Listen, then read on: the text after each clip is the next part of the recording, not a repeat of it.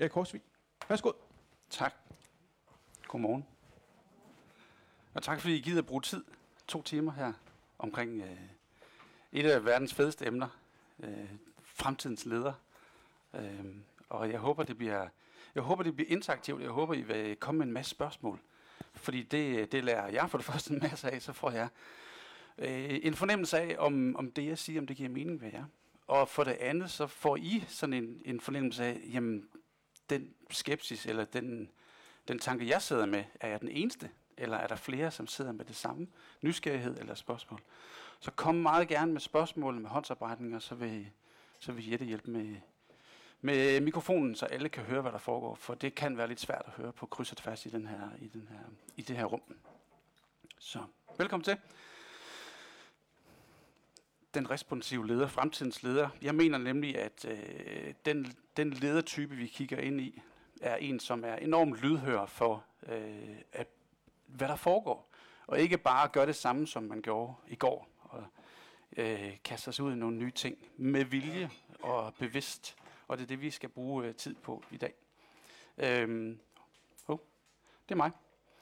Øhm, jeg har en baggrund som øh, civilingeniør. Den, øh, den skarpe iagtager vil se, at det billede, der står jeg cirka her. Sådan ser det ud. Så det, det er taget i det her lokale.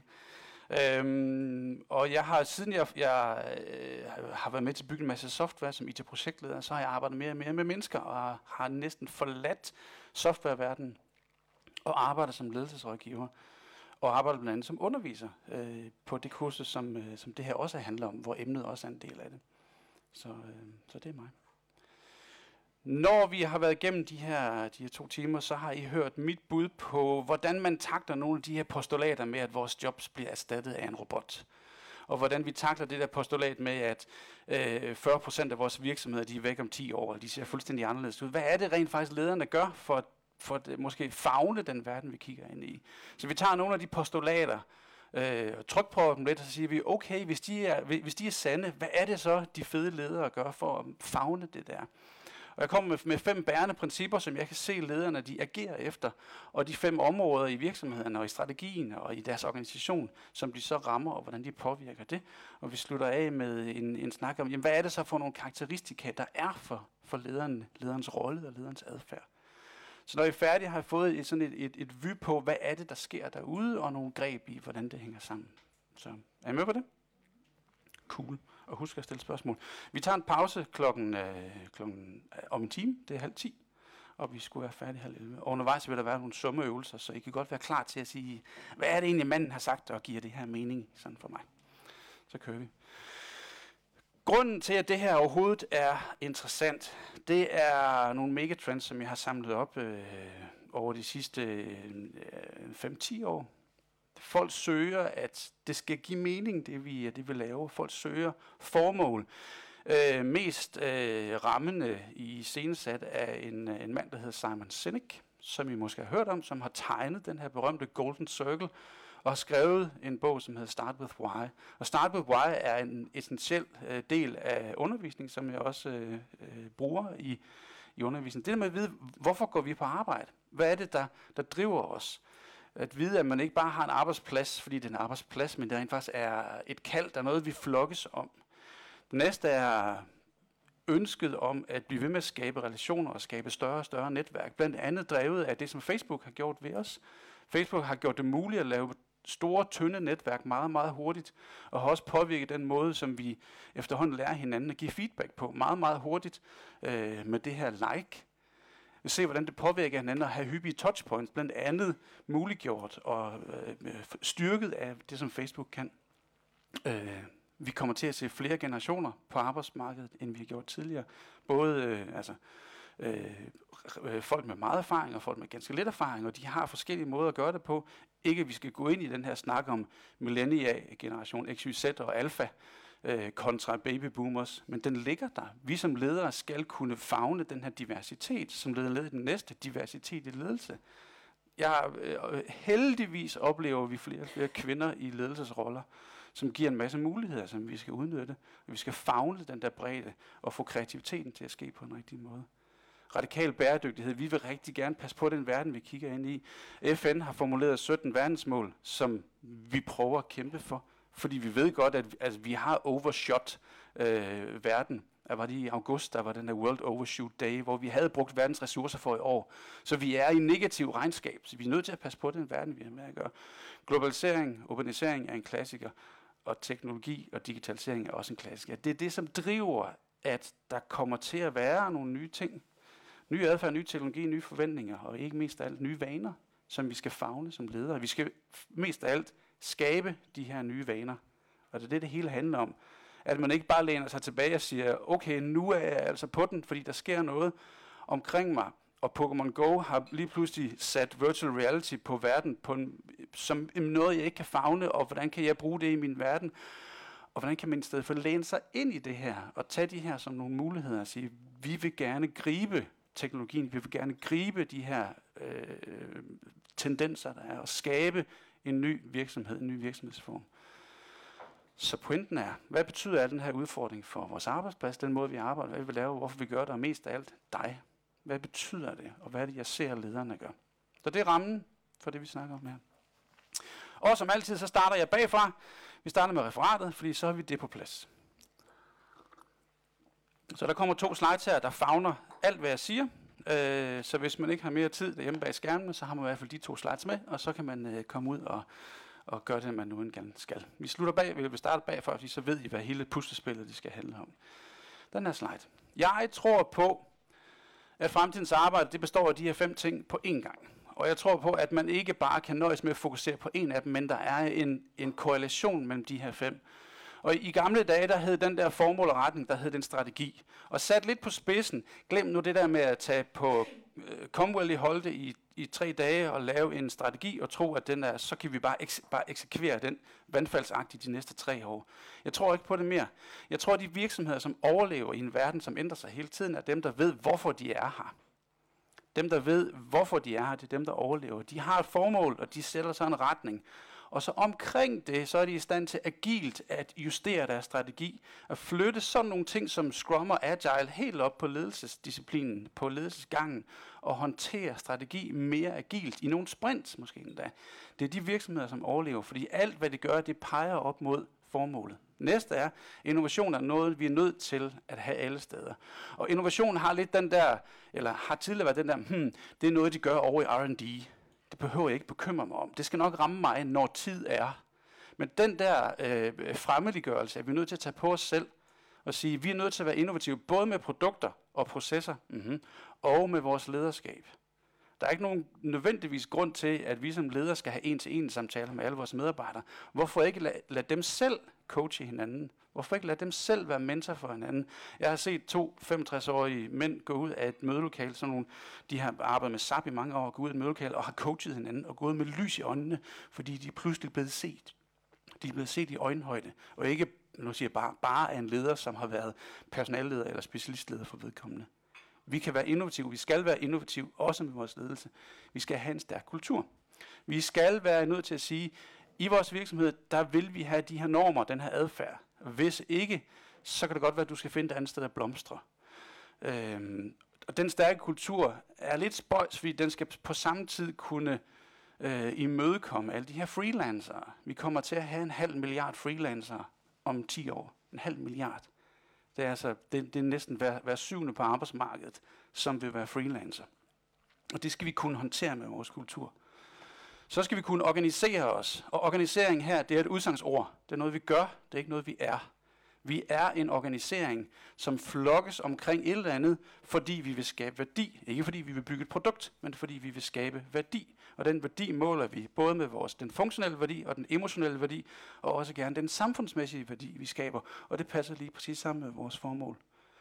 Og det betyder en masse for den måde, vi er responsive ledere. Det betyder de her otte karakteristika, man skal mestre, dem kan I selv læse.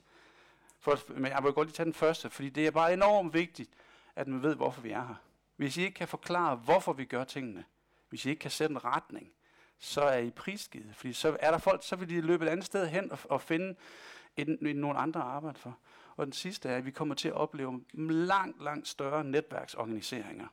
langt færre hierarkier. Og hi- hierarkier en god gang imellem, fordi de giver altså en masse øh, tryghed. De giver noget forudsigelighed. Men vi vil se langt flere netværksorienteringer, langt mere ledelse baseret på, hvordan man kan få folk til at flokkes. Så det er den ene referatslide. Den anden det er den her. Hvis jeg skal sige fire gode råd til fremtidens medarbejdere, skråstreget ledere, så er det de her fire.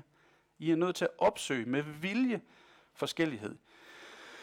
Det, jeg har nogle gange øh, mødt nogle ledergrupper, hvor det har bare været øh, hvide mænd plus 60 med slips. Øhm, og det er ikke nødvendigvis de ledergrupper eller mellemledergrupper, som overlever fremtiden, fordi de har ikke den der forskellighed, som skaber de der gode knister, som skaber den gode friktion, som skaber den gode kreativitet. Du er nødt til med vilje at opsøge nogen, der er anderledes end dig selv. Og du er nødt til at være nysgerrig. Du er nødt til at Sæt dig ned og forstå, hvorfor dine børn de er på YouTube hele tiden og ikke ser Flow TV. Sæt dig ned og forstå, hvad Steam er. Sæt dig ned og forstå, hvad Discord er. Hvorfor er de så stærke til at skabe netværk, når de spiller World of Warcraft? Hvorfor er de unge så stærke til at fordele lederroller på det der femmandsteam inden for 90 sekunder? Det skal I forstå. I er nødt til at være modige, tage nogle chancer, og I er nødt til mest af alt skabe noget. Og det kan være en intern YouTube-kanal, eller del jeres, jeres favorit Excel-ark, altså skabe et eller andet bidrag til jeres, øh, jeres øh, netværksorganisering. Det er de fire råd. Det var referatet. Så er vi færdige. Så kan I gå hjem. det er det. Nu sætter vi tempoet lidt ned. Øh, og prøver at, at gå igennem de her sådan lige stille nu. Jeg har kommet med nogle postulater, og det er noget af det skal også dokumenteres, men det, det tager vi lige stille. Nu, nu åbner vi for, for kassen og sætter tempoet lidt ned. Så. Verden har ændret sig. Der var en gang, hvor vi kunne forudsige sådan rimelig meget, hvad der kommer til at ske. Øh, det kan vi mindre nu. Der er stadigvæk noget, vi kan forudsige. Og mest af alt, så kan vi begynde at skabe verden. Vi kan begynde, når der er alle de her muligheder, der er flere muligheder, end vi har haft før, så kan vi faktisk begynde at sige, nej, vi vil ikke den vej, men vi vil den anden vej. Noget af det, som gør, at verden har ændret sig, det bliver karakteriseret ved det her ord VUCA. Er der nogen, der har hørt det akronym før? Et stykke. Godt så. Tak. VUCA betyder, at verden den er på de her fire måder her, omskiftelig, usikker, kompleks og flertydig. Øh, og hver gang man har med en udvikling at gøre, så er den udvikling karakteriseret ved de her fire. Så vil den kritiske sige, yes Erik, sådan var det også, da vi gik fra ploven til traktoren. Så var det også, da vi fik dampmaskinen. Så var det også, da vi fik elektricitet i hele verden, og vi fik klorkering tilbage i romertiden, og da vi øh, fik internettet. Det er fuldstændig korrekt. Men den her tendens, den er accelererende. Det er en accelererende tendens. Ja, den har altid været der, den vil altid være der, men den er accelererende nu. Og det skaber en masse forandringer det skaber også en masse muligheder.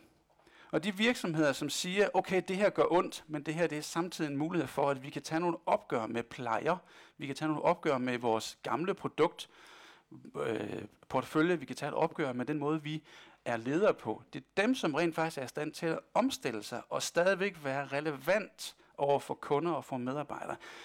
Dem, som for eksempel fagner den her flertydighed og sige, ja, der er flere svar til samme spørgsmål. Dem, som forstår det og ikke bare siger, nej, øh, sidste år, der, der brugte vi øh, den her måde, der kørte vi det sådan, sådan i SAP, nu gør vi det anderledes i SAP. Dem, som tror på, at vi kan rent faktisk svare på samme spørgsmål med nogle nye svar, med nogle andre svar, og også tillade, at andre kommer ind og påvirker det, det er faktisk dem, som overlever. Det der med at sige, jamen plejer skal vi prøve at lægge væk fra os, og prøve at fagne det på en anden måde. Og det er vildt svært, fordi nogle gange så bliver man målt på, jamen sidste år, der brugte du 100 millioner, eller du tjente 100 millioner, så lægger vi lige 3% oveni, fordi indeksregulering, og så skal du nå 103 millioner. Og det er det, man bliver målt på. Og det gør, at så vil man gerne gentage den, det handlemønster, man havde sidste år, for at tjene de der plus 3, millioner, øh, plus 3 procent. Men den kan man prøve at lægge fra sig. Du er nødt til at lægge den fra sig, fordi hvis du ikke fagner det her, så vil din, ta- din talentmasse, det man går et andet sted hen. Specielt kvinder omkring 40, de flygter fra arbejdsmarkedet og skaber sine egne virksomheder, fordi de vil gøre det på en anden måde nu. Og det er en talentmasse, som lige så stille smuldrer mellem hænderne på os, med mindre vi fagner det her og ser det som en masse muligheder. Giver det mening? Mm? Her postulat. Baseret på den her verden, vi nu har, øh, som er accelererende, så siger folk, 40% af de store virksomheder, de er væk om 10 år. Så 40% af virksomhederne, jeres virksomheder, de er signifikant, ja, så enten så er de væk, gået konkurs, blevet opkøbt, eller også så ser de væsentligt anderledes ud om 10 år. Øh, eksempler. Blockbuster er væk. Kodak er væk. Toys R Us er væk. Dansk eksempel, som er under forandring, lad os bare sige noget, PostNord. Øhm, de, I stedet for de virksomheder, som jeg oplever undgå at ende med at blive den her stuebirk, det er dem, som så tænker sig om og siger, åh, okay, hvad er det rent faktisk for et problem, vi løser? De holder ikke krampagtigt fast i deres produktportefølje. Fordi produkter, det er egentlig en konsekvens af det problem, vi løser. De holder fast i deres problem. Lad os tage en bank. En bank, der er måske 25 bankservices, som man leverer som bank. Mikrolån, makrolån, øh, rådgivning, øh, aktiehandel. Øh. Så er der pludselig noget, der hedder bitcoin, som kan tage en eller flere af de her bankservices, og så lave egentlig en bank baseret på, at alle ejer banken. Hvad er det så, banken skal holde fast i? Er det produkterne, eller er det problemløsningen? Det er problemløsningen, de skal holde fast i. Fordi banken skaber tryghed for dig. Nu tager de fat i dig. Nu begynder jeg at digte. Øh, så må sige til, hvis jeg ikke skal digte. Du hedder Morten. Du har en Golden Retriever. Øh, FCK. Øh, tømmerfirma. Fire mand. Øh, spot on. Fint. Vi holder fast i den der. Øh, og så kommer du op i banken og siger, at du, du vil gerne låne 4 millioner, hvis du skal købe fire nye lastbiler.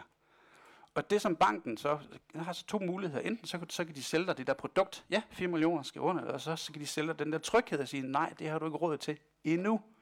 Og så kan du gå hjem og sove godt, fordi banken har givet dig en rigtig god tryghed.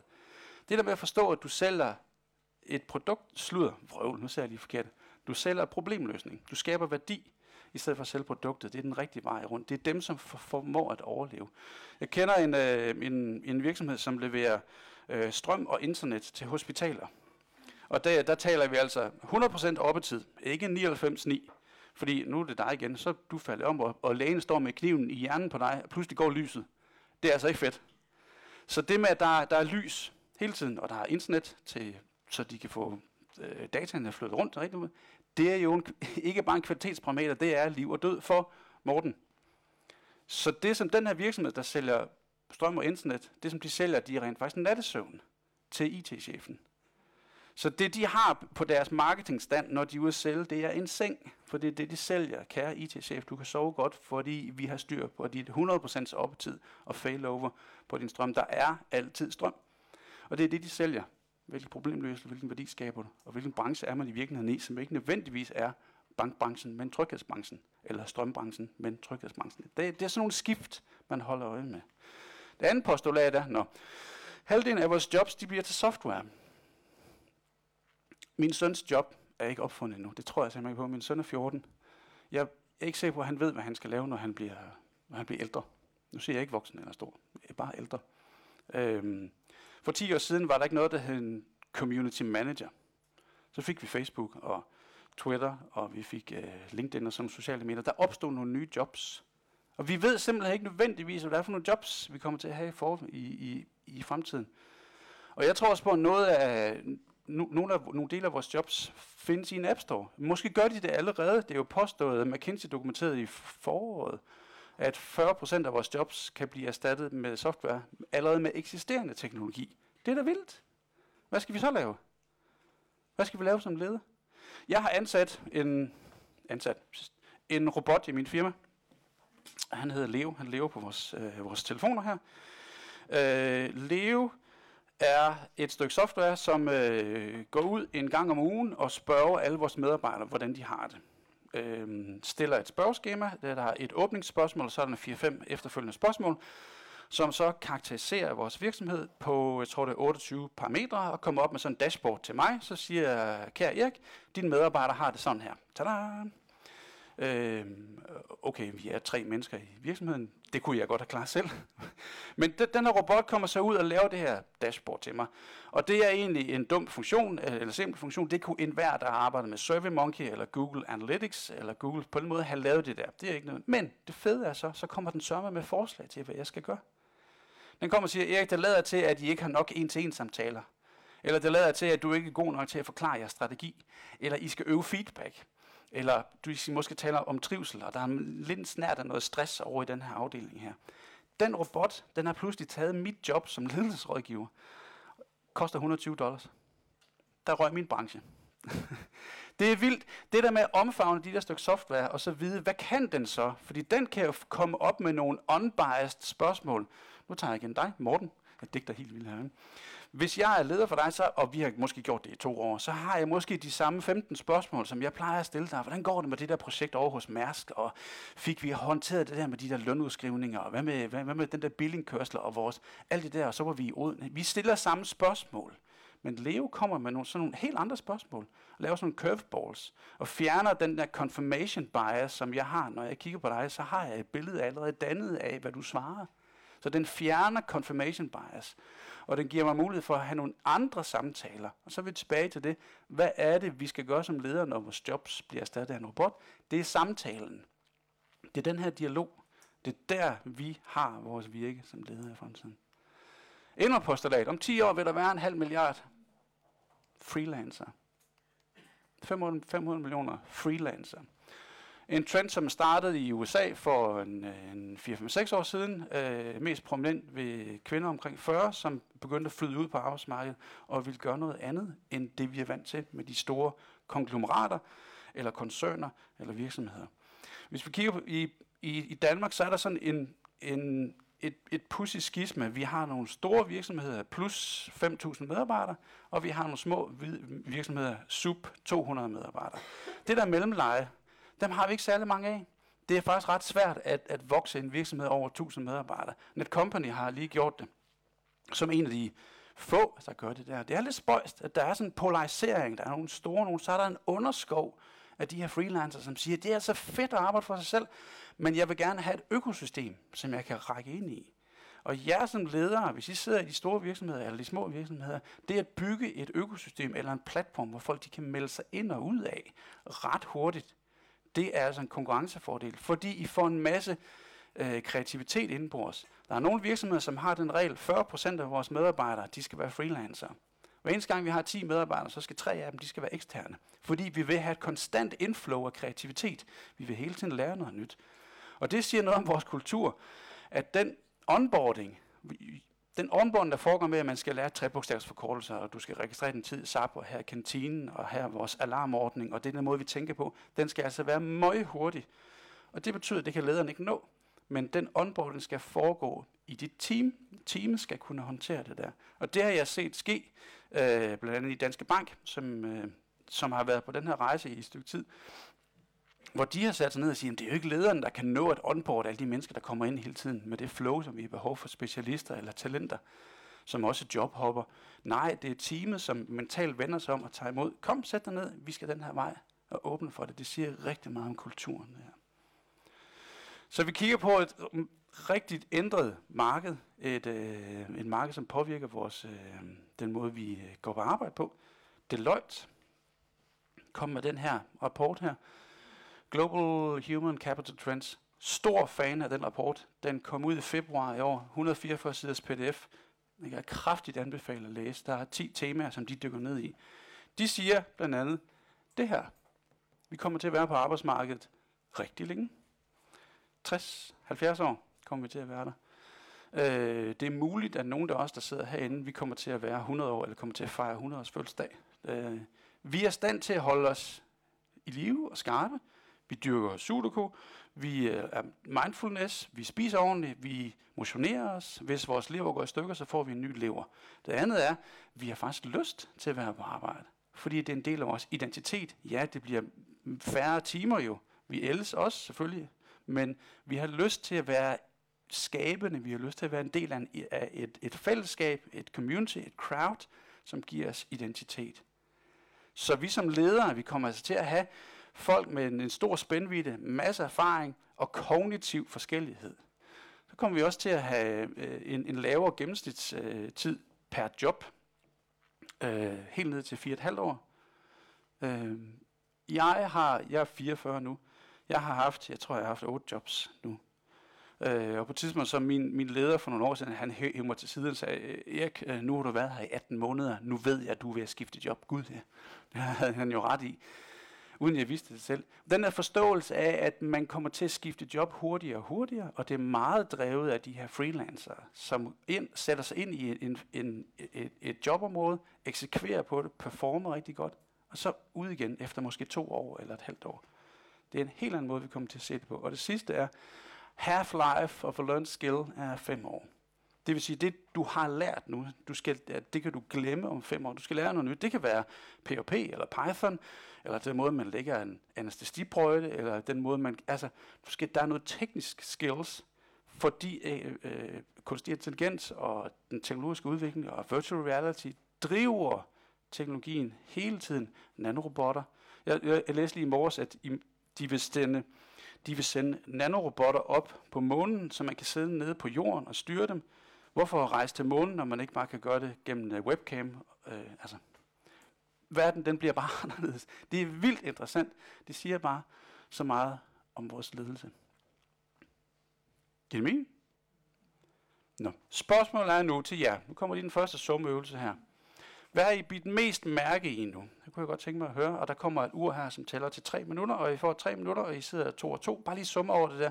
Hvad har I bidt mest mærke i nu? Og uret starter nu. Værsgo. Er der nogen, der vil dele med hinanden, hvad I har bidt mærke i? Og nu er det ikke nødvendigvis, at I siger det for mig, men I siger det, siger det lige så meget til hinanden. Hvad er det, når jeg taler om Morten? Giver det mening, det her? Vi er digter væk. Jeg aner ikke, hvad det hedder. Thomas, undskyld. hvad har I tænkt på?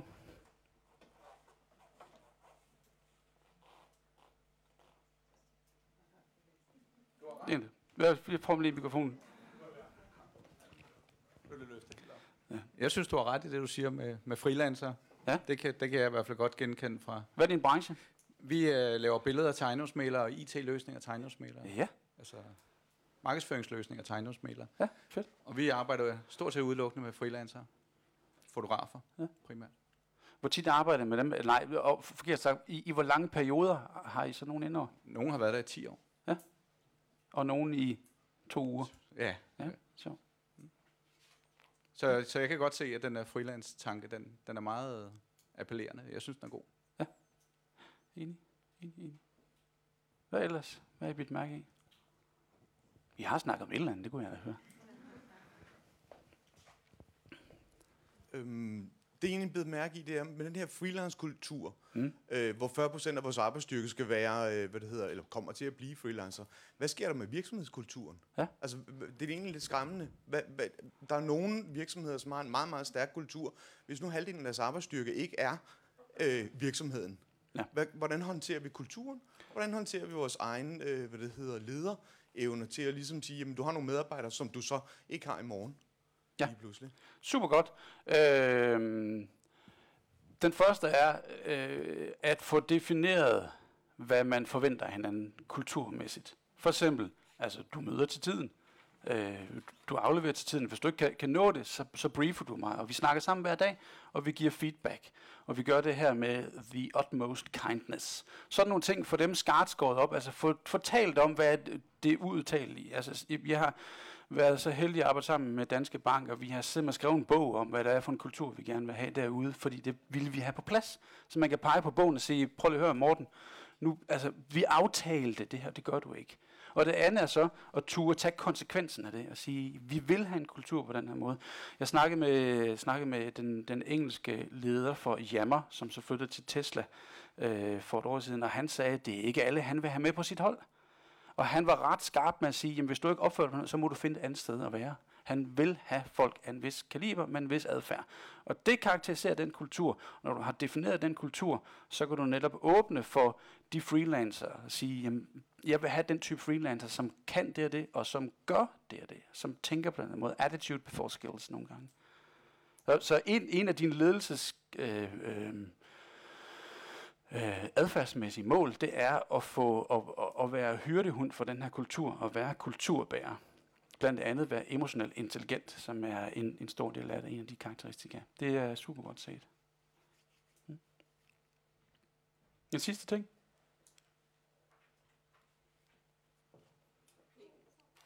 Det er egentlig mere et spørgsmål, at øh, hvis man skal have øh, den samme kultur, kan man måske blive lidt udfordret på forskellighed så? Altså, det bliver sådan en flok lemminger, der går i takt. Men, og er enige om alt. Ja, det tror jeg ikke. Men mindre man definerer i kulturen, at jeg opsøger diversitet. Du kan godt definere, hvad vi er, ved at definere en forskellighed. Det er jo ikke, det er ikke noget vejen for. Men du kan, godt, du kan godt stille forventning om, hvordan vi håndterer forskelligheden. Den måde, vi gør tingene på. Det, det, det synes jeg ikke er i modstrid med hinanden.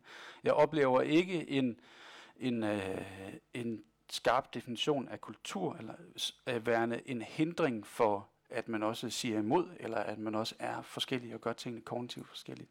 Tværtom, så, fordi det, det, det giver sådan en mulighed her inden for den her kasse, der er vi trygge, vi ved, hvordan tingene foregår, og så giver det sådan en løft i forhold til, at man gerne tør læne sig ind og være en del af det. Det, det var jeg oplevet. Jeg har ikke set det den anden vej. Heldigvis da. For så får vi bare sådan nogle ensporede folk, som bare svarer på samme spørgsmål på samme måde. Og så får vi ikke udnyttet den der VUCA-ting med, at vi, vi søger anderledes svar på spørgsmål, vi får, man kender. Så det oplever jeg ikke. Det var du helt enig i. Hmm, den lader vi hænge lidt. Fedt spørgsmål, altså. Cool. Vi, øh, vi kører lidt videre her så. Se, den, den, øh, det, det første, vi så skal tale om, det, er så, det betyder så noget for den, vores, øh, vores tankemønster, vores mindset, når vi, nu, øh, når vi nu går på arbejde. Når vi tager lederkappen på og siger, thank God it's Monday, lad os nu komme ind og hjælpe vores medarbejdere til at være en succes. Og jeg ser og har observeret de her fem bærende principper øh, for arbejdspladser og for ledere, de kommer her. Jeg har set, at folk de tænker, nummer et, de tænker bare people first. Og det er ikke customers first. Og det er ikke employees first. Det er people. Hver eneste gang man har en handel med en, øh, en leverandør, så ser man vedkommende som man, du hedder Morten, og du holder med, med FSK, jeg holder med Divi, men det, derfor kan vi godt lide hinanden og arbejde sammen. By the way, så repræsenterer du et firma, et tømmerfirma med fire ansatte, du har lige fået fire nye lastbiler, har jeg hørt.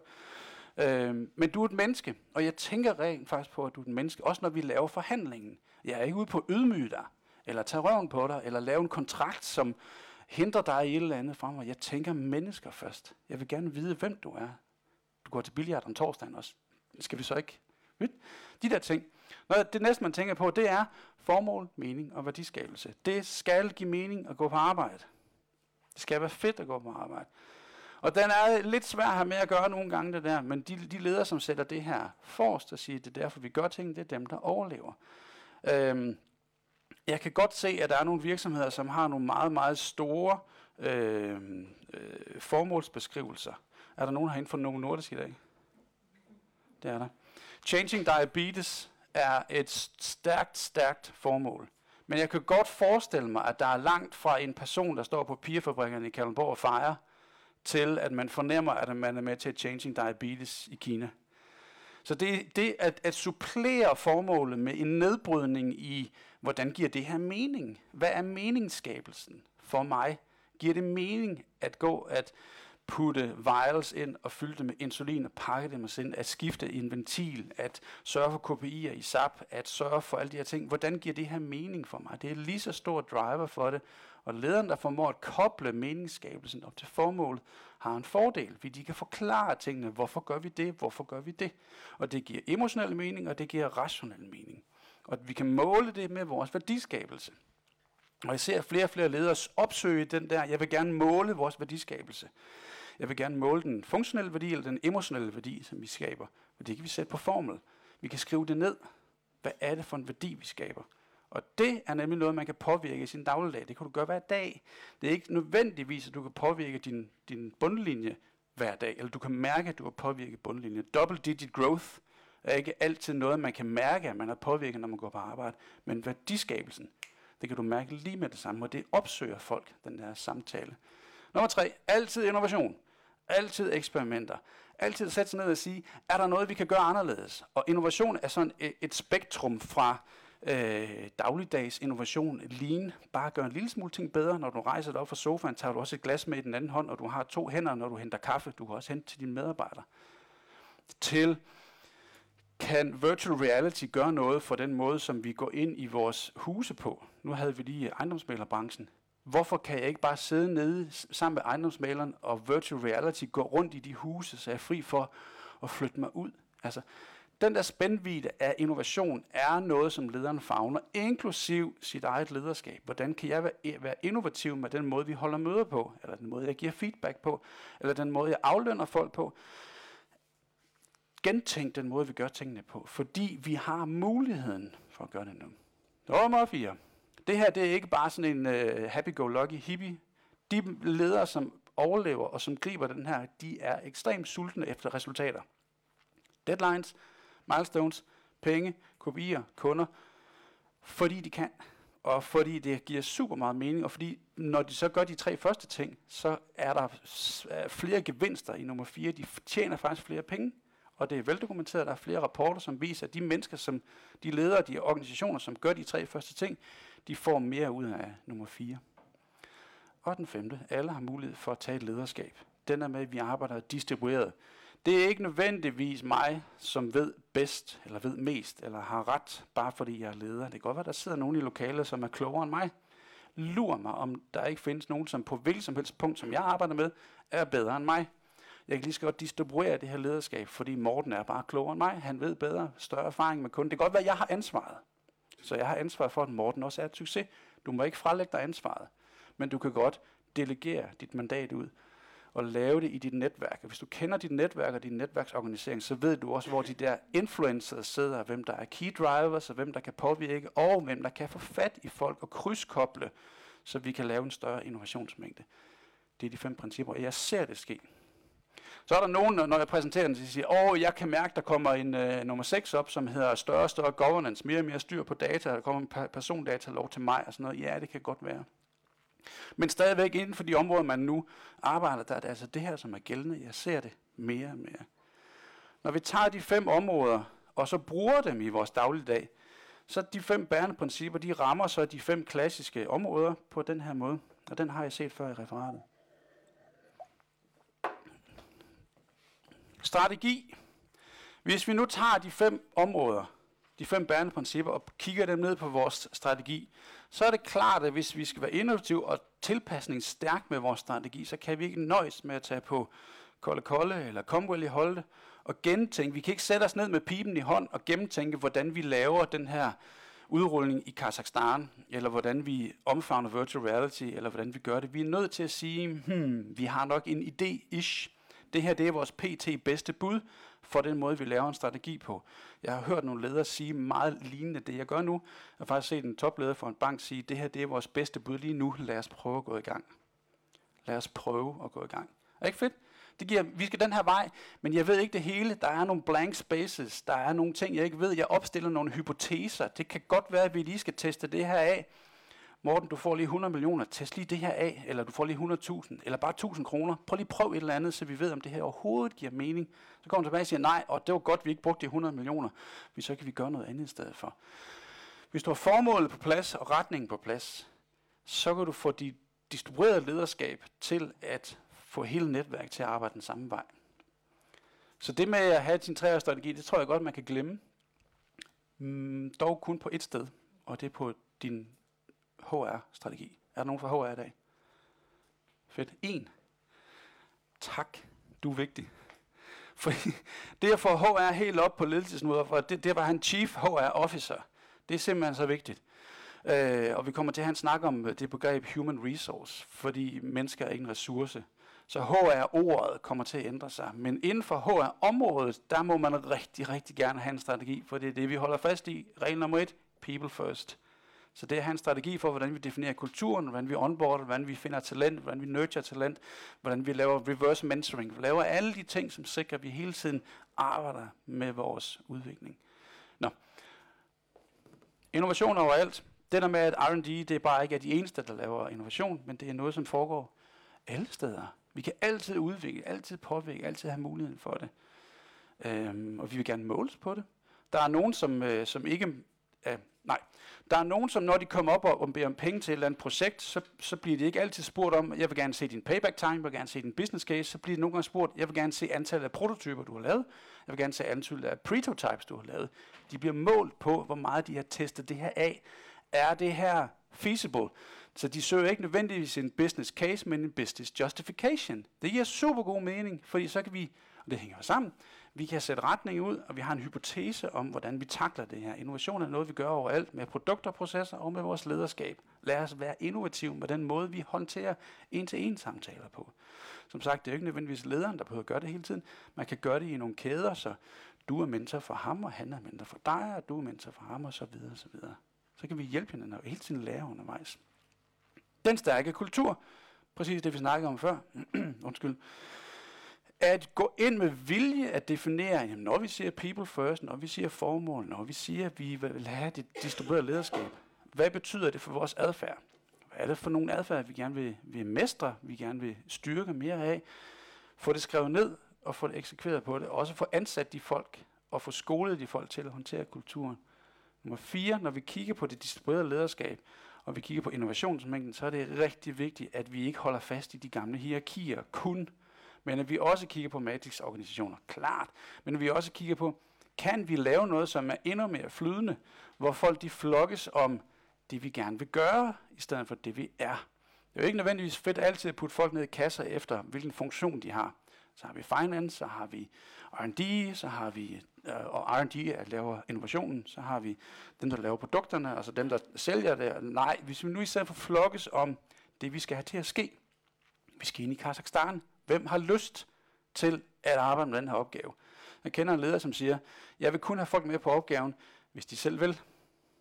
Og så, så, så siger øh, kunden, som køber, jamen hvad nu, hvis der er så ikke nogen, der vil være med på opgaven? Så svarer han tilbage, jamen så tager vi ikke opgaven. Fordi jeg vil have, at du har lyst til at hjælpe mig. Jeg vil have, at du har lyst til den her opgave. Det er sørme stærkt sagt. Og han går ud og siger, at deres produkt, det er deres kultur. Deres produkt er ikke IT, som de laver. Deres kultur er deres produkt. Det er det, de sælger. Fordi det har sådan en ripple-effekt ud til deres partnere. Det er rigtig stærkt. De nemlig organiserer sig efter den værdi, vi skal skabe. De flokkes på nogle nye måder. Og allermest så betyder det noget for den måde, vi er ledere på. Og de her bobler rundt omkring, øh, alle de her små, de indikerer netop, at det er en kausal afhængighed. Når jeg skruer på den ene, så skruer jeg også på de fire andre. Når jeg påvirker den måde, vi laver strategi på, så skruer jeg også på min kultur. Hver eneste gang, jeg laver noget den ene ende, så skal jeg konsekvensberegne på de fire andre bobler. Og det siger også noget om den måde, man skal takle det her på. Der er nogen, der spørger, Erik, hvordan starter jeg? Så plejer jeg at svare, det er ligesom at spise en stor elefant. Den eneste måde, man gør det på, det er at finde en lille elefant at starte med. Fordi du er nødt til at tage alle fem områder på en gang. Du kan ikke nøjes med at sige, jamen så arbejder vi bare med kulturen. Nej, for når vi gør det, så påvirker det de andre ting. Nødt til at skale, det hele ned, og så sige, nu prøver jeg med vilje at gøre noget andet. Og det er det der valg, jeg vil gøre noget med vilje anderledes. Det er det, som er triggeren for at starte det her. De virksomheder, som gør det her, tænker på den måde, de får pludselig et helt nyt marked at arbejde i. Der er det her berømte begreb Red Ocean og Blue Ocean. Red Ocean er der, hvor jamen, der er masser af fisk i det her hav, men det er rødt, fordi der er masser af hajer, der spiser de her fisk. Det er, du kæmper om de samme kunder. Så derfor så er det Red Ocean. Men dem, som så er i stand til at finde et Blue Ocean, hvor der stadigvæk er fisk, men der er ikke så mange hajer endnu, fordi jeg er den første til at tage alle de her fisk. Det er dem, som overlever. Der er jo ikke noget blod i vandet. Så det begreb med at arbejde med Red Ocean, Blue Ocean, øh, har vi på plads nu. De ledere, som tænker på den måde, de får faktisk skabt et Blue Ocean til sig selv. Og de tænker på den her måde. De begynder ikke at konkurrere på evner og pris længere. De konkurrerer på det andet. Værdiskabelse og på relationer. Det er det, jeg konkurrerer på. Og det er vildt interessant. Jeg har, jeg har set et ingeniørfirma eksplicit skrive det her ind i deres strategi. Vi vil ikke konkurrere på evner og pris. Vi vil konkurrere på værdiskabelse og relationer. Og det betyder også, at så begynder vi ikke bare at kigge på dit CV. Vi kigger også på, jamen, hvor mange followers har du på LinkedIn? Hvor stor er dit Twitter-crowd? Uh, øh, har du nogen med på Instagram, som du kan påvirke? Altså, når vi stiller dig et eller andet spørgsmål, så siger du, det ved jeg ikke, men jeg kan i løbet af ganske få timer aktivere mit Twitter-netværk, og jeg kan få en to-tre gode svar. Sådan der. Fedt mand, fordi så har jeg ikke pludselig, så har jeg ikke kun ansat dig, men jeg har ansat dig plus 2.000 andre, som kan byde ind. Jeg har set den her ingeniørvirksomhed eksplicit gå efter dit social footprint, når de ansætter folk. Det er vildt stærkt, fordi de tænker fremsynet på den måde. Er det ikke fedt? Det er en helt anden måde at tænke det på. Det handler ikke kun om, hvad du kan. Det handler også om, hvem er det, du kan. Det handler ikke om, og hvad hedder det på indisk? Øh, det hedder Vasta. Det handler ikke om, hvad du kender, det handler om, hvem du kender, som man bringer ind i det der. Okay, står der så, at vi ikke skal kunne noget? Nej, selvfølgelig skal vi da kunne vores ting. Det er da klart, du bliver da ansat, fordi du har en mængde skills, men du bliver lige så høj grad udvalgt blandt den mængde, vi tænker på, som fordi du har nogle med dig. Du har nogle relationer, du kan skabe værdi, du kan, du kan dokumentere værdiskabelse. Og så synes jeg, det er, det er fedt at se, at de her ledere, som tænker på den måde, de begynder at måle deres succes på to nye parametre. Øh, for en 5-10 år siden, øh, måske endda mere 15 år siden, der arbejder man med CSR øh, og en triple bottom line. Den har fået lidt en, en, en anden vinkling nu. Jeg kan se, det er de her ting, som man, øh, som man definerer sin bundlinje ved. Ja, lad os lige tage den her først. Økonomisk sundhed, sure. Øh, men sjov nok, så står der ikke vækst, der står økonomisk sundhed. Fordi ø- der er nogle ledere, som ser økonomien som værende, det er bare et resultat af det, vi gør, og den, den energimængde, den pumper vi tilbage igen, for at skabe de to andre ting. Også fordi økonomisk sundhed, nu snakker vi lige double digit growth, og vi, vi tjener 100 millioner på så, eller 100.000 inden for det, og det kan vi se hver kvartal, når vi opgør vores, vores kvartalsregnskab, hvor vi afregner moms. Men der er rent faktisk langt fra den transaktion, jeg har med Morten, til at jeg kan se, at det har en påvirkning på bundlinjen. Der er både tidsmæssigt langt, der kan være tre måneder, og der er procesmæssigt langt fra den handel, vi har indtil det har været igennem min finance-organisation, og jeg kan se den KPI gå i rød og grøn. Så det jeg oplever lederne gør af sig selv, det er, at de opsøger to nye bundlinjer, som de kan påvirke. Og det er netop den sociale kapital og min værdiskabelse. Lederne de spørger, jeg vil gerne vide, hvad er det for et netværk, jeg har med at gøre? Hvor mange relationer har vi? Hvor stærke er de? Hvor mange re- relationer har direktørerne eller visdirektørerne? Hvor mange relationer ud til folk har øh, VP'erne eller sælgerne for den sags skyld? Hvem er de relateret til? Hvor langt er der fra den ene til den anden ende i min organisation? Der er det her berømte øh, tal, der hedder Kevin Bacon Index, som er, hvor langt er der fra mig til Kevin Bacon? Mange håndtryk skal jeg lave for at møde Kevin Bacon? Jeg tror, der er en 5-6 stykker fra mig til Kevin Bacon. Men det begreb tager de ind i virksomheden og siger, hvor langt er der Kevin Bacon fra den ene ende af min virksomhed til den anden? Og vi kan måle det. Og hvis der er mere end 1,6, det er sådan et indeks, så har de et problem, så er altså langt rundt i virksomhederne, fra den ene til den anden ende. Og det er sådan et tal, med det som metrik, man kan sætte op og benchmarke sig selv på. Og så måler de også på, for eksempel nu, nu jeg er ude og lave en undersøgelse for 350 mellemledere i en virksomhed, de vil gerne vide, hvem er det i de her ledelseslag, som har de, den største mængde øh, interface med, med, med medarbejderne. Hvem har rent faktisk fat i deres, øh, deres medarbejdere? Og de havde arbejdet med Leadership Pipeline i nogle år, og det viste sig, at det er ikke topdirektøren eller direktøren, det er underdirektørerne, som havde mindst 25 relationer, som de kunne dokumentere ud til medarbejderne. Det er dem som forandringsagenter, der har fat i virksomheden. For dem, da de skulle lave en omorganisering, var det en guldgruppe af viden. Hvem er det, der kan påvirke? Er det toplederen, der skal sige det hele? Ikke nødvendigvis. Måske sætte retning og forklare hvorfor. Men den eksekverende er to lag under L3-lederne, som har størst fat i vores organisation. Øh, sidste er, så begynder de at måle det hvert år, så begynder de at sige, okay, hvad er der sket, hvad er der sket, er vi gået fra en hierarkisk til nogle siloer, til noget projekt, og hvordan de der, vi skulle have med fra Polen, hvordan er de, øh, alt mulige ting, de begynder at måle det en gang om året, for at se, hvordan udviklingen er i deres virksomhed. Nummer to, værdiskabelse, fordi det kan man, det kan man påvirke i dagligdagen. Den funktionelle værdi, som man skaber. For eksempel, gør jeg tingene simplere, gennemskuelige, får jeg ting sat sammen, undgå tilbageløb. Sådan nogle funktionelle ting, som man gør enten når man laver produkter, eller man laver processer, eller man er leder. Og den, ovenpå det, så kan vi måle vores emotionelle værdi. Får jeg skabt tryghed? Får jeg skabt mod? Får jeg skabt handlekraft? Får jeg skabt engagement eller motivation? Og det kan man jo sætte op og sige, jeg vil gerne måle de her ting, og så quizze folk på det. Og det kan man jo påvirke i dagligdagen. Øhm, jeg har sat øh, nogle logoer op her for tre virksomheder. Det er løgn. Tre bevægelser, som, øh, som har karakteriseret det her.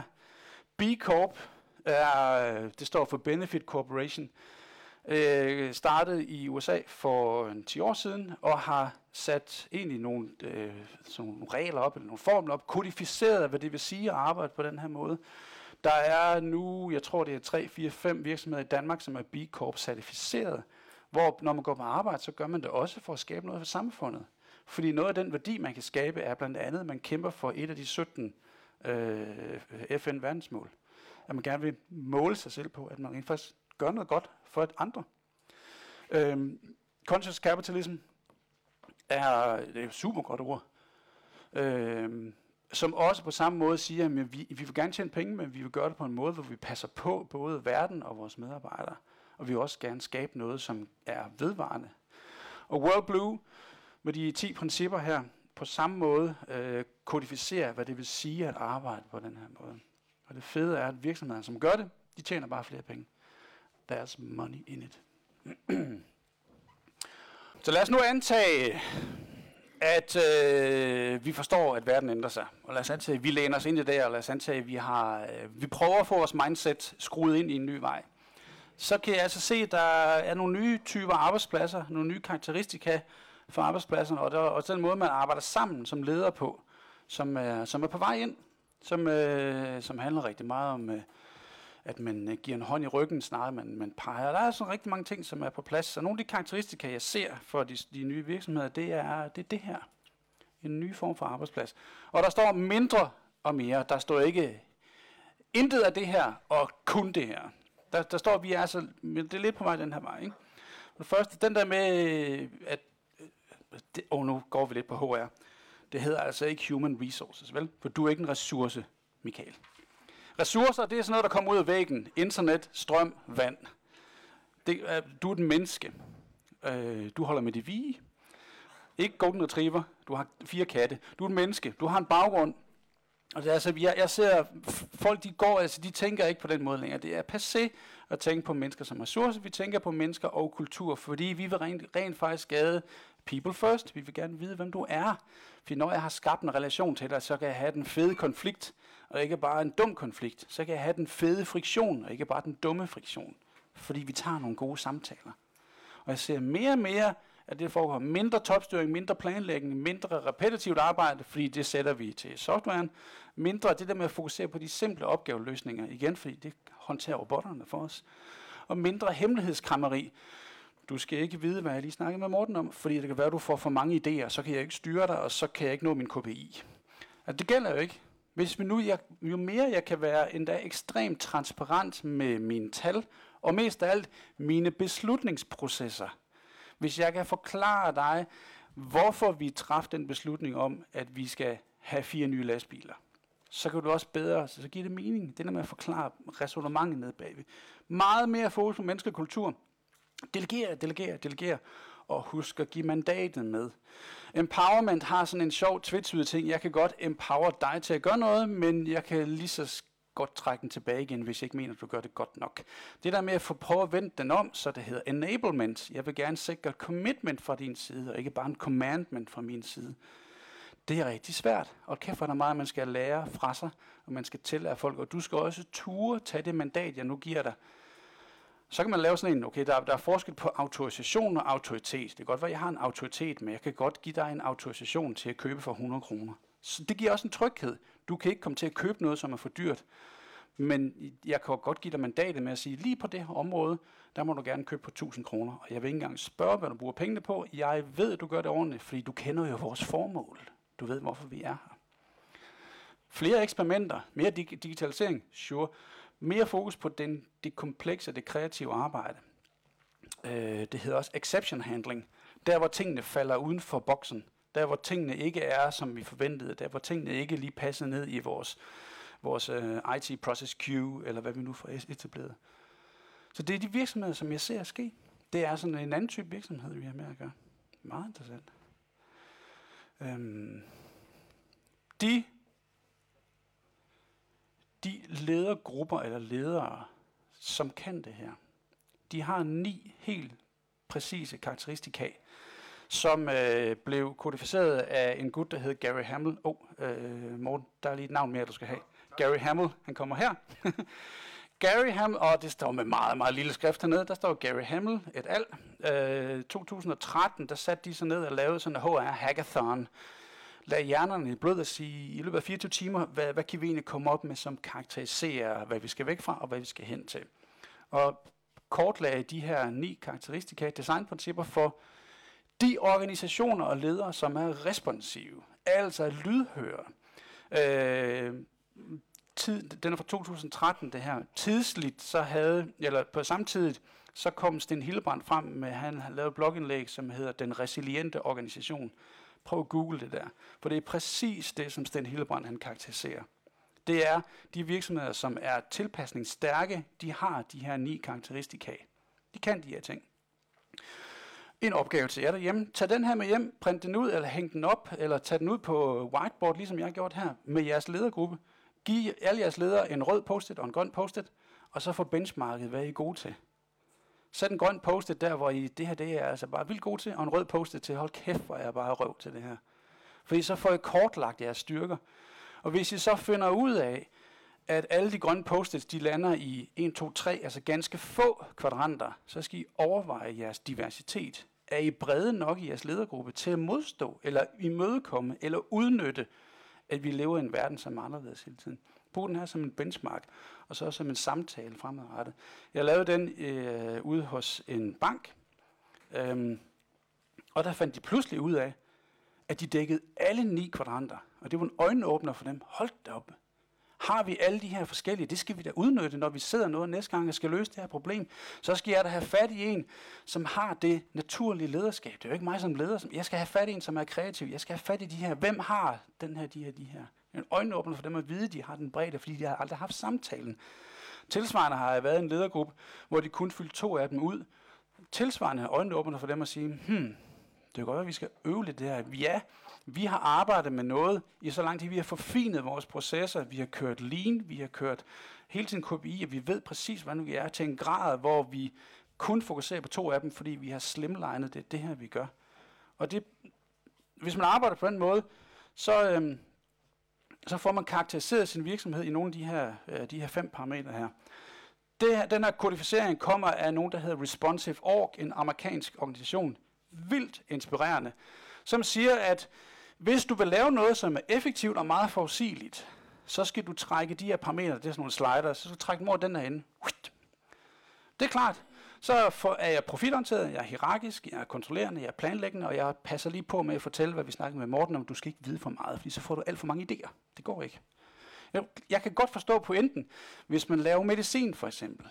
Hvis man laver en hovedpinepille, så vil jeg gerne have, at alle de 500 panodiler, der er i mit glas, at de er ens. Jeg vil gerne have, at det er forudsigeligt. Jeg vil også gerne have, at når jeg kigger på min datter, som er halv vægtklasse end jeg, så kan jeg knække hovedpinepillen, og alt det aktive stof er ikke i den ene ende, så hun får fuld dosis eller nul dosis. Jeg vil gerne have den der forudsigelighed. Klart.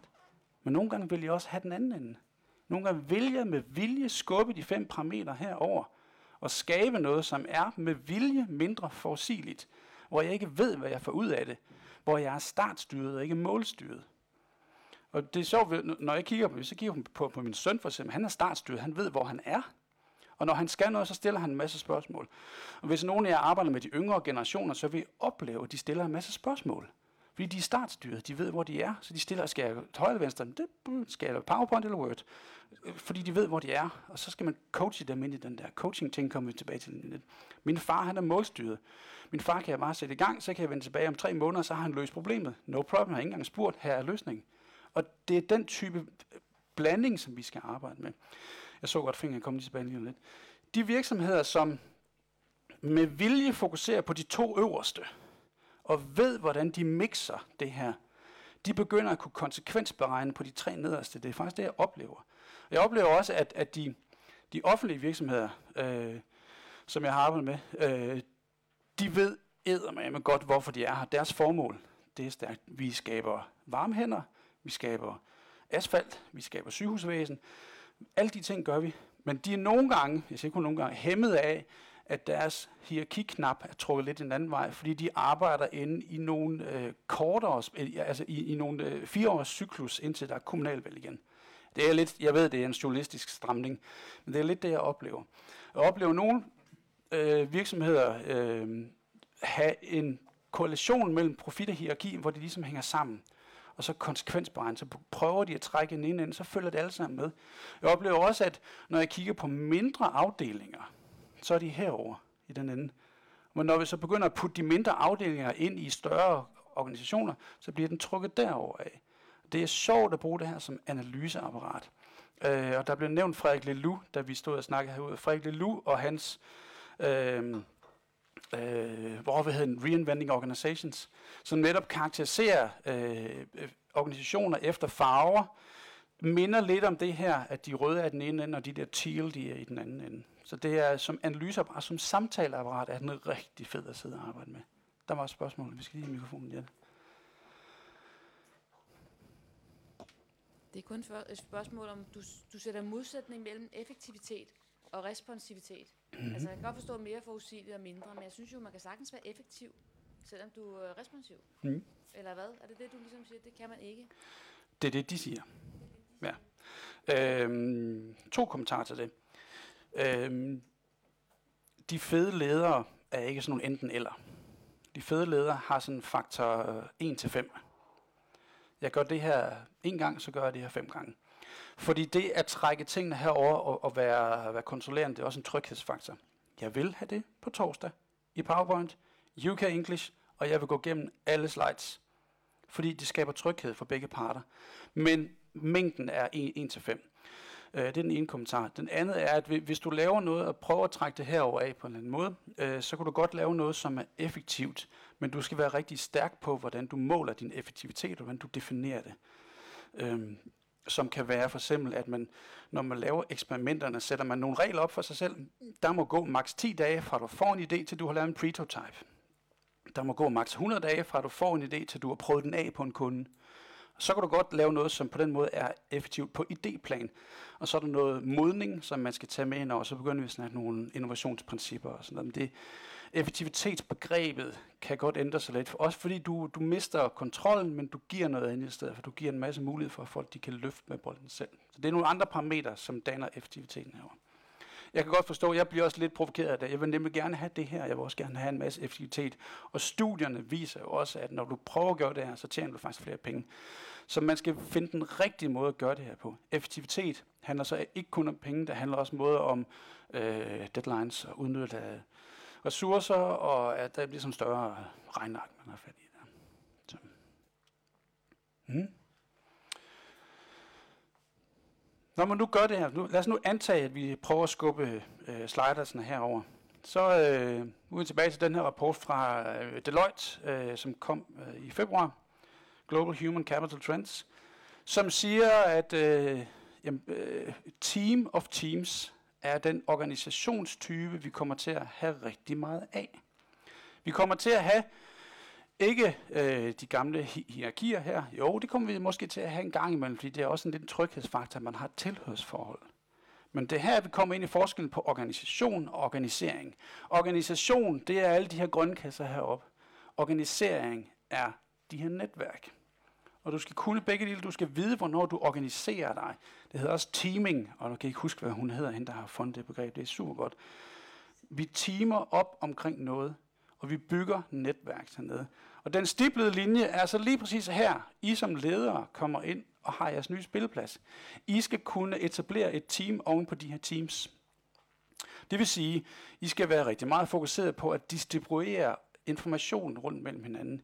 I skal være fokuseret på at løse hinandens problemer.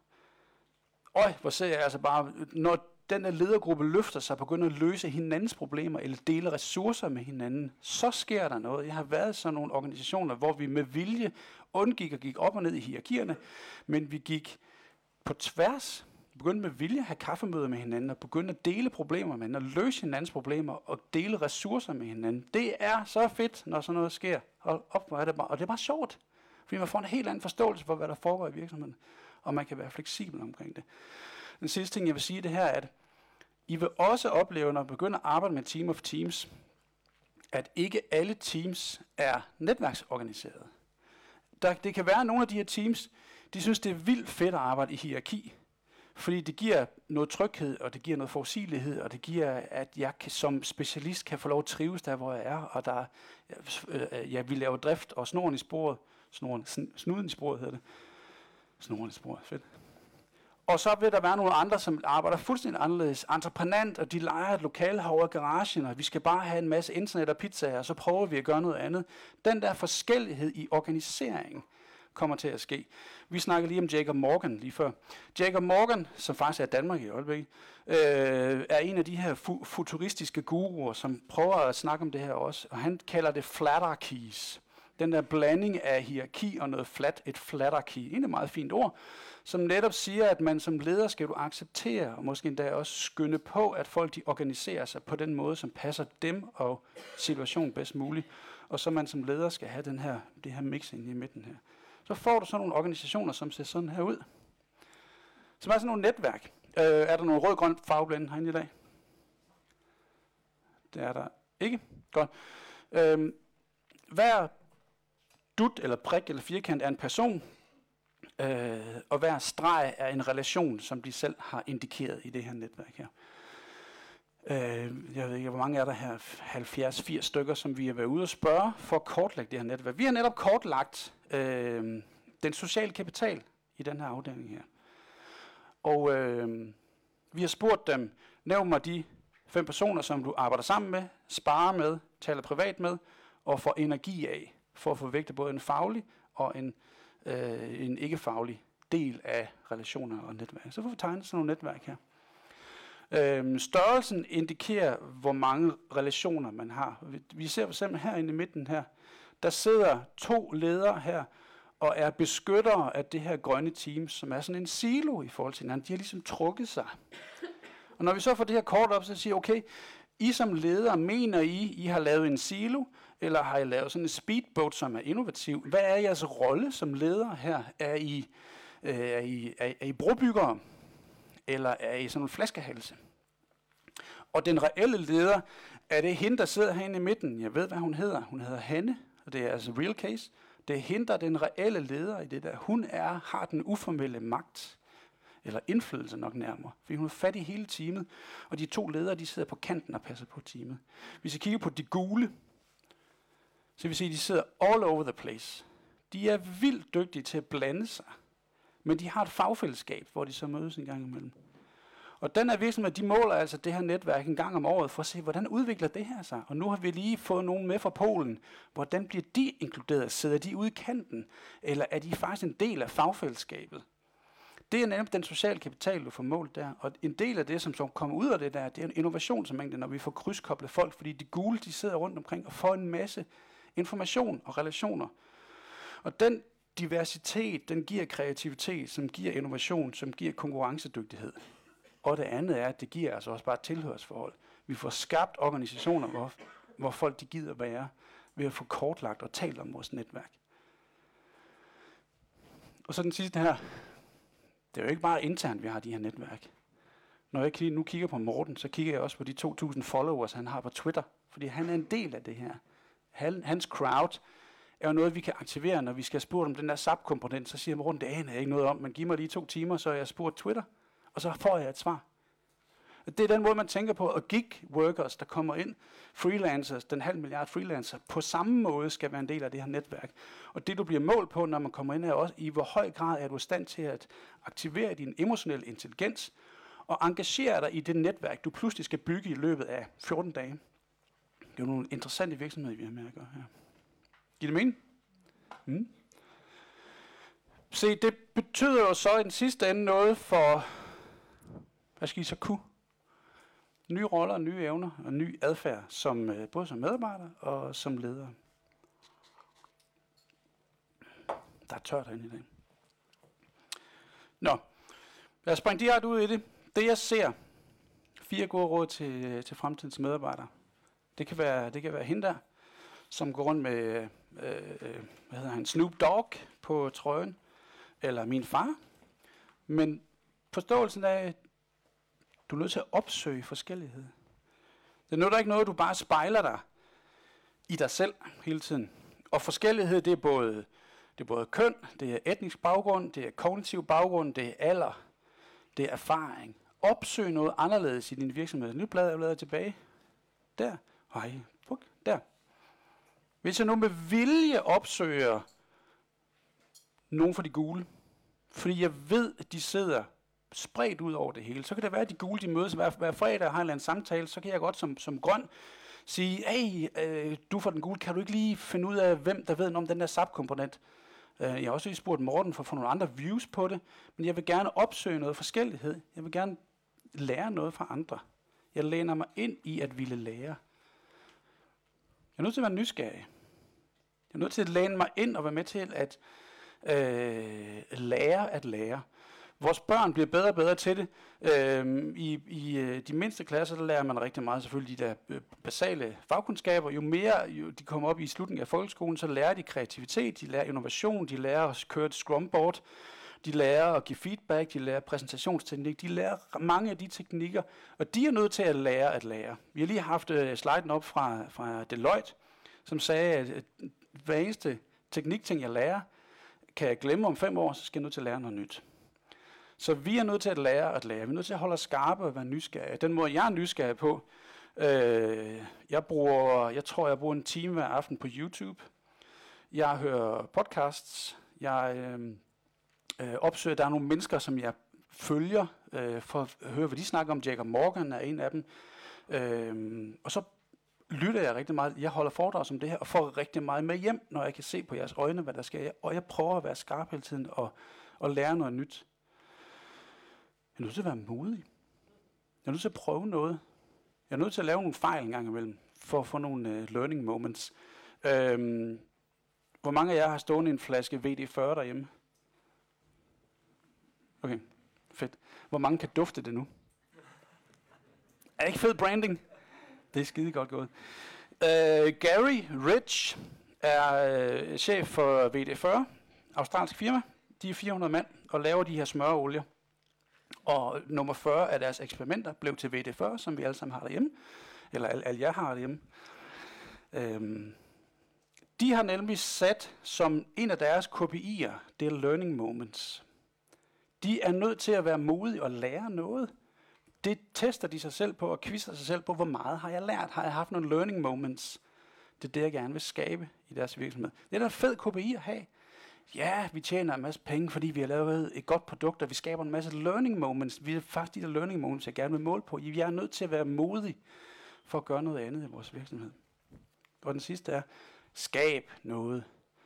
Det er simpelthen så vigtigt, at medarbejderne skaber noget, at I skaber noget. Og det kan være, som jeg sagde, at bare det, at I deler jeres favorit Excel-ark, eller I fortæller om en af jeres fejl, eller I laver en intern YouTube-kanal, eller laver firmaets Twitter-konto, eller skaber et, altså et knowledge repository, eller skaber et møde, hvor I, altså skab et eller andet. Læn jer ind i det, vær med til at skabe fremtiden. Fordi når fremtiden måske bliver sværere og sværere, og der er flere og flere udfaldsrum, så kan I jo læne jer ind og sige, godt, jeg vil gerne prøve på den måde, jeg vil gerne prøve at skabe en nyt feedback-måde. Jeg vil gerne prøve at skabe en ny øh, måde, vi holder afdelingsseminarer på. Øh, læn jer ind i det her. Google, fantastisk virksomhed. Google har defineret, nu, nu skifter vi til lederens rolle, Google har defineret eight qualities of a great manager.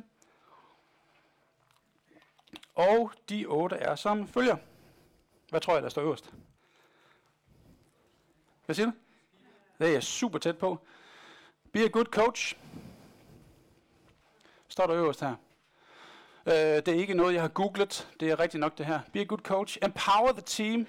Interest for team members, success and well-being, very productive. Det er den der med, at vi også skaber nogle resultater. Be a good communicator, listen and share. Be præcis, del information rundt på tværs.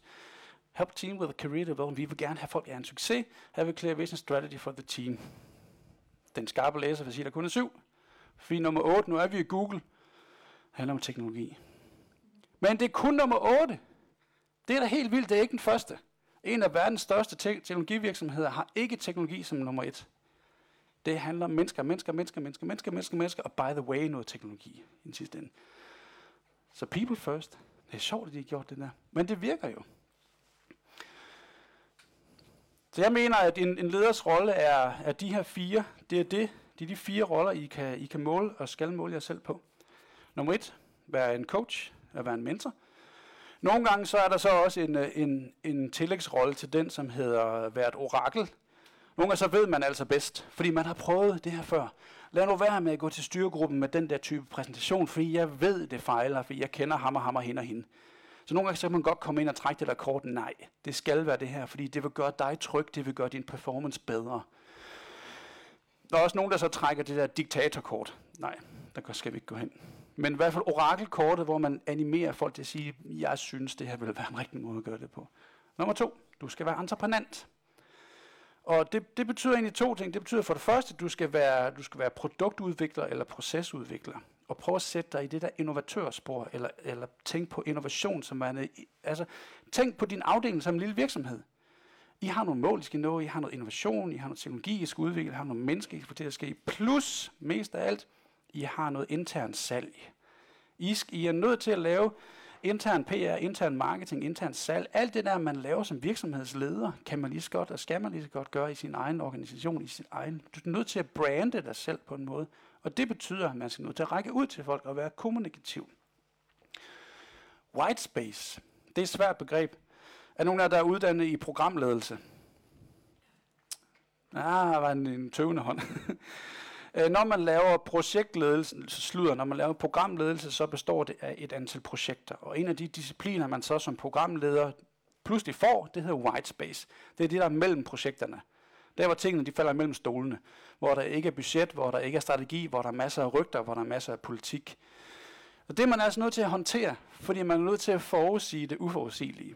Og jeg ved som leder, jeg, Erik Østergaard Danmark, jeg er helt vildt dårlig til det der. Har jeg fundet ud af. Jeg kan simpelthen ikke se det der. Så det jeg gør for at kompensere for det der, det er, at jeg samler folk sammen. For at få lavet den der kognitive forskellighed, kan vi sammen se de huller, som vi skal finde, og måske endda lukke eller udnytte. Jeg ved, jeg er dårlig til den der, det går være, I er god til den. Jeg kan se, de gode ledere, de gør det der. En gut, der hedder, øh, jeg kender som hedder Peter, som arbejder i Proaktiv. Han er vildt dygtig til det der. Han kan se alle de der white space og sige, hmm, det lader til, vi har, åh oh, gud, den er ret i Peter. Han kan det der. Og han er en vildt dygtig leder. Sidste, som leder er du nødt til at bygge det her økosystem, du har med. Du er nødt til at række ud horisontalt. Øh, der er mange, der bruger tid på at lede opad, og der er nogen, der bruger tid på at lede nedad. Men det, der må lede horisontalt, er altså der, hvor det begynder at rykke. Så begynder du at få bygget det der team of teams ovenpå. Du begynder at løse hinandens problemer og tænke på en anden måde. Og det her, det gælder ikke bare, når man er afdelingsleder, men det gælder for alle dem, som tager et lead. Det kan være for et afdelingsseminar, eller du tager et lead for et produkt, eller for en proces, eller for hvad den nu er, for en teknologi, eller jeg er thought leader. Alle de, dem som går ud og tager et lead, som er dygtige, de har de her karakteristika, som handler rigtig meget om mennesker. Så i sidste ende, så betyder det noget for jeres adfærdsmængde. Øh, og den her, den kan I, øh, den kan I benchmark jer selv på, om I, om I gør det her, om I er gode til det, eller I kan benchmarke jeres chef på det, om hun er god til det. Nummer et, I skal sørge med at vide, hvorfor vi er her. I er nødt til hele tiden at fortælle om det formål, vi har. Øh, historie. Jeg startede startet ude i øh, Ørsted. Dengang hed det Dong Energy. Jeg startede ude i Wind Power og var afdelingsleder derude. Og jeg brugte det der narrativ hele tiden med at fortælle, hvorfor vi bygger de her meget, meget, og jeg synes, de er totalt lækre vindmøller, de her havmøller. Øh, det med at få et jernrør ned i havbunden, og få sat et jernrør mere på, og få boldet det fast, og en turbine på, og tre blade på, og en, en ledning ind i Esbjerg Havn. Det er det, vi kæmper for, fordi vi kæmper for at lave grøn strøm. Og det narrativ brugte jeg igen og igen og igen, ligegyldigt hvad for en møde jeg åbnede, om det så var afdelingsmøde, eller feedbackmøde, eller et projektmøde, eller hvad det var, alt hvad vi lavede i afdelingen, skulle pege op mod, at vi laver altså grøn strøm, det er derfor vi er her. Ja, vi sidder og putter metadata på et stykke dokument ned i øh, Dokumentum. Men det er sådan lidt lige meget. Den måde, vi gør det på, er lige meget. Men vi gør det, fordi vi laver grøn strøm. Og jeg brugte det som frame, eller ramme for alt, hvad vi gør derude. I er nødt til at vide, I er nødt til at vide hvorfor vi er her. Og nummer to, så skal man udfordre status quo. Hele tiden. Og det bliver sådan et, øh, sådan et træls en gang, man at sige, kan vi ikke gøre det anderledes? Kan vi, skal vi gøre det anderledes? Men hele tiden, ja, den måde, vi gør det på, skal vi gøre anderledes hele tiden. Og man skal tage sig selv i at undgå at synke hen i den der, jeg gør det samme, som jeg gjorde sidste år, plus 3 procent. Øh, fordi det får man ikke skabt en, du får ikke skabt en kultur, som er tiltrækkende for talent, hvis du bliver ved med det der. Du får ikke skabt noget, som er relevant nok i forhold til medarbejdere og kunder. Nu til at udfordre hele tiden det der. Sikre dialog, og dermed også sikre delegering. Sikre mandatet, sikre at, at vi får snakket om det. Og jeg tror, det er faktisk den, jeg hiver mest frem i øjeblikket med de ledergrupper, jeg har. Det er mængden af touchpoints. Jeg tager mig selv i at sige det så ofte. Øg nu mængden af touchpoints med hinanden, med jeres ledere, med jeres medarbejdere, med jeres projekter. Øhm, og det kan være, at det bare er en opringning om dagen, eller et stand-up-møde et kvarter foran en tavle, men mængden af touchpoints er bare så vigtig, så man ikke driver fra hinanden i, i den, det væld af hypoteser, man har. Så skal I fokusere på samarbejde og innovation og eksperimenter. Og så skal I fokusere på roller og netværk, som vi snakkede om, den netværksorienterede organisation. Og det er sjovt, at der ikke står titler. Jeg ser flere øh, forlade det der med, med titler. Jeg arbejder med en, bank, som ikke brugte titler længere, de bruger bare roller. Jeg er head of det her, eller head of det her. Så kan det være, at du er head of 600 mand, eller head of to mand. Det er lige meget, at du er head of noget. For netop få sat fokus på, det er ikke vigtigt, hvad du kan, det er vigtigt, hvad du får til at ske. Det er vigtigt, hvilket mandat du har med. Så kan der sidde en junior konsulent og forklare en senior vice president, hvad der foregår.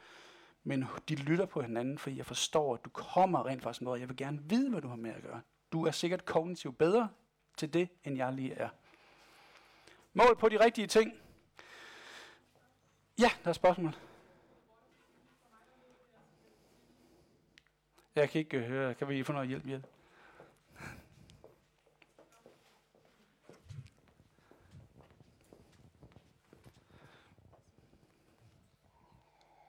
Antændt. Øh, jeg, jeg forstod bare ikke uh, forskellen på roller og titler, som mm. du sagde det der. Head of et eller andet, er det ikke en titel? Nej, det er lige så meget en rolle, man, man, man spiller med folk til at, til at flokkes. Jo, det bliver, det bliver en titel, men, men den er uden hierarki. Den er uden, øh, det er bare, du, du, du har ansvaret for, at den her flok mennesker løber den samme vej. Ja.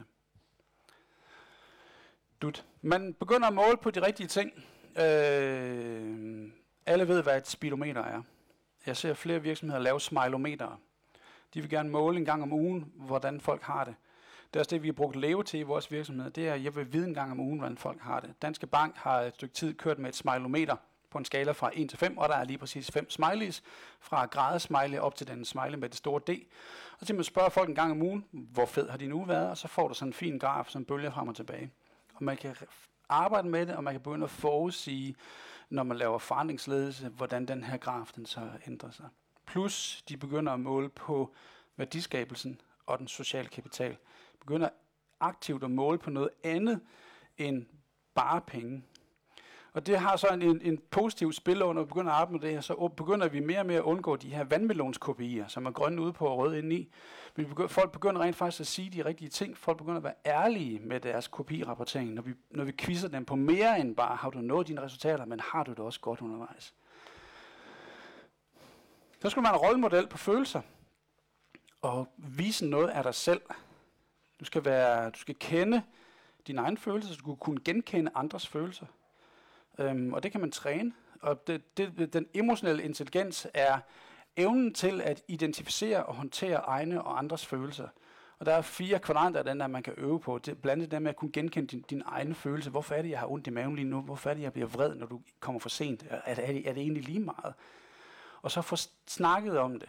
Få lavet den der, den fede friktion, baseret på, at vi stoler på hinanden, så man kan have den gode konflikt oven på den her. Og det starter med den emotionelle intelligens. Og empatien er en stor del af den, og den er større, en vigtigere del, end sympatien er. Men det der, det er noget, man kan øve, simpelthen ved at træne. Og måden, man træner det på, det er simpelthen ved at få sat feedback loops op. Og få snakket om ikke bare den konkrete handling, men den følelse, jeg får, når du laver den konkrete handling. Da du holdte den der præsentation for styregruppen, der blev jeg lidt nervøs, fordi jeg følte ikke, at vi var ordentligt forberedt. Så den der følelse, jeg får sagt, jeg får genkendt min egen følelse og sagt den til dig, de skaber altså en connection i forhold til dine medarbejdere. Og det sidste er, det er det svært, og det er usikkert, at man skal trives med den usikkerhed. fordi vi kigger ind i en, en, øh, en verden, som ser anderledes ud, og har mange moving parts. Der er rigtig meget, man kan påvirke. Og den måde, jeg trives med usikkerheden på, det er ved at lave den lige over. Jeg laver nogle eksperimenter, fordi jeg er nødt til at prøve nogle ting af. Det kan være, at I takler usikkerheden på nogle andre måder, men jeg gør i hvert fald det, at jeg siger, okay, nu må jeg prøve noget af. Så prøver vi at leve og se, hvad det giver os. Så prøver vi en anden måde, så prøver vi at køre feedback på den her måde, og så prøver vi, du, du, du, jeg ved ikke, hvad vi prøver næste gang. Men jeg fagner, jeg prøver at trives med usikkerheden ved at prøve at skabe noget nyt. Jeg siger, ja, jeg har alle muligheder for at gøre det ene eller andet. Nu prøver jeg at gå den her vej. Jeg prøver at skabe en ny virksomhed, eller en ny virkelighed, og det gør jeg ved at teste nogle ting af. Og de her otte, dem kan I måle jer selv på, eller jeres ledere, eller jeres medarbejdere. Så. Nu der har I denne øvelse, den har I prøvet før. Hvad har I bidt mest mærke i, og uret det kommer her. Værsgo. Jeg kunne godt tænke mig at høre, hvad I har, hvad I har bidt mærke i. Hvad har I tænkt på? I var jo svære at stoppe, så I må tale om et eller andet.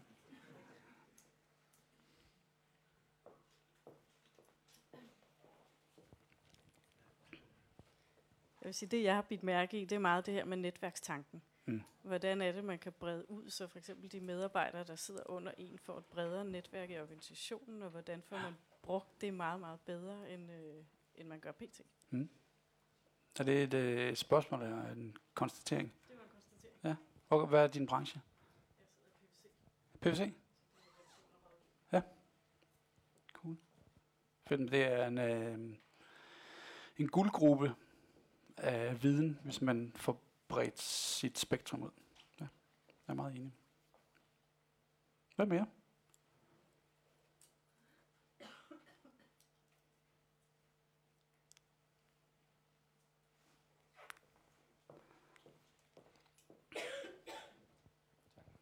Øh, det er jo svært at være uenig, for det første.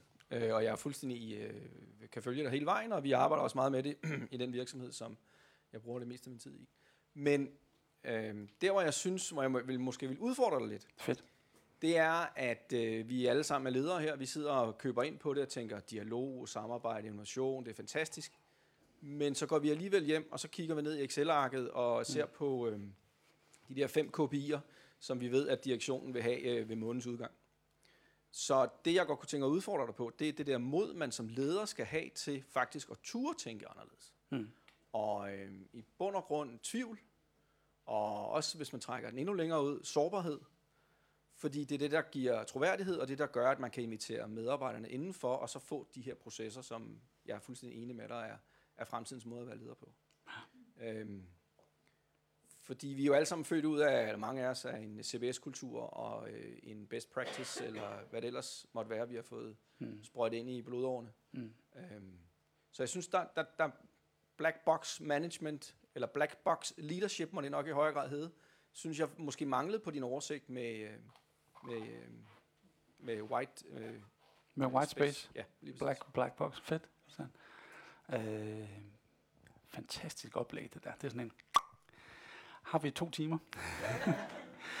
Se, det, øh, ja, der er en, som springer mig i øjnene nu. Han hedder Mikko, og han er ude fra, ude fra Danske Bank. Øh, han er finde og executive vice president derude. Og han traf nemlig den beslutning for tre år siden, at det her vil han gøre anderledes. Han har 120 mennesker, der, der refererer til ham. Og han gik op til sin ledelse og sagde, nu gør vi det anderledes herover. I holder jer lige væk. I skal nok få jeres ting. I skal nok få jeres produkter. Men vi gør det altså, altså anderledes. Og hans, hans bedste våben, det var en paraply, simpelthen at skærme af. Og sige, vi prøver altså at gøre det anderledes. Vi laver et eksperiment. Vi prøver at tænke anderledes. Og det kræver mod fra ham. Og ham som værende øh, endda finde på en øh, altså kommunikativ den anden måde at gøre det på, øh, gjorde det altså bare super godt, fordi han, han, han tænker med hjertet. Det er rigtig fint. Men det rigtige svar er selvfølgelig at sige, ja, det starter fra topledelsen. Det starter, at vi skal have fat i den der skridtet før board of, board of direction, hvad hedder det bestyrelsen. Det er dem, som skal sige, vi kan se, at vi skal gøre det her anderledes. Fordi hvis vi ikke gør det anderledes, så tilhører vi den gruppe af 40% af virksomheder, som er væk om 10 år. Og hvis, så kan man altså tage den der penge. Hvis, hvis du vil have dine penge igen, kære bestyrelse, så er du nødt til at lave nogle eksperimenter på den måde. Nødt til at tillade en mængde udfaldsrum, hvor vi eksperimenterer for at prøve noget andet af. Det starter, det starter simpelthen med ejerkredsen i virksomheden, og så skal det ned. Men rådet er, hvis, hvis du sidder et sted som mellemleder, og selvfølgelig kan man ikke være i tvivl om det her, det er bare enormt svært at eksekvere på, fordi du falder tilbage i en dagligdag af plejer og forventning. Øh, også fra dine, dine ansatte. Men at gå ned og, og tage det der valg og sige, kære medarbejder, nu prøver jeg altså at gøre noget anderledes. Jeg vil gerne have noget feedback. Jeg kommer sikkert til at lave en masse fejl. Men det her det er så spændende, at jeg ikke kan lade være med at prøve noget andet. Jeg vil gerne tiltrække jer som talent, og så lave nogle eksperimenter. Og så bare sige, nu prøver vi det her tre måneder. Hvis de tre måneder gik galt, jamen så fik vi testet det af. Så kan vi parkere den, og så gøre noget andet i stedet for. Easy peasy. det er da skide svært, jeg ved det godt. En sidste kommentar? Det var der ikke. Så runder vi den af her. Og der er lige 6 minutter tilbage. Opsummering. Øh, der kommer tre slides, I har set før, fordi jeg har set referatet først. Øh, så hvad betyder det her for vores arbejdsplads, når vi arbejder? Hvad vi laver, hvorfor vi gør det, mest af alt dig som leder? Den har jeg set før. Vi snakker om, at det betyder, at fremtidens arbejde består af fem ting, som er anderledes. Altså, de fem områder, man har i sin klassiske organisationsdesign, får nogle andre øh, farver, nogle andre karakteristika, Vide, hvorfor vi er her, altid være innovativ, en stærk og veldefineret kultur, organisering og det responsive lederskab karakteriseret ved de her otte øh, adfærdsmønstre og de øh, fire roller, plus en, som hedder Black Box Management. Black Box Leadership, undskyld. ja, jeg er for pokker. Stor forskel på det. Og så få bygget og få kortlagt de der netværksorganiseringer, at vide, hvem der er dine forandringsagenter, hvem er dine innovative ankre, hvem har den uformelle øh, indflydelse? Hvem er det, som kan trække organisationen rundt? Jeg lavede en kortlægning for øh, en øh, ingeniørvirksomhed for nogle år siden, og fandt ud af, at der, der sidder en person i Odense, som hedder Lone, som er bare den vigtigste, og det vidste de ikke. Eller, det, er sådan nogle op aha-oplevelser er fede at få i en organisation, når man laver udrulning. Og den anden her, fire gode råd til den fremtidige leder. Gå ud og opsøg noget forskellighed. Lav en liste af mennesker i jeres organisation, som I kunne tænke jer at lære at kende, eller som kunne benefitte af at lære jer at kende. Nogle, som er anderledes. Gå ud og find en mentor, som er yngre end jer selv. Gå ud og find en mentor, som er under 30, og sæt jer ned og lær fra hende. Hvad er det, hun gør? Hvorfor stiller hun alle de spørgsmål? Hvorfor hun gør det på den måde? Så I kan lære noget den anden vej rundt. Vær nysgerrig. Vær modig, og så mest af alt få skabt noget. That's it.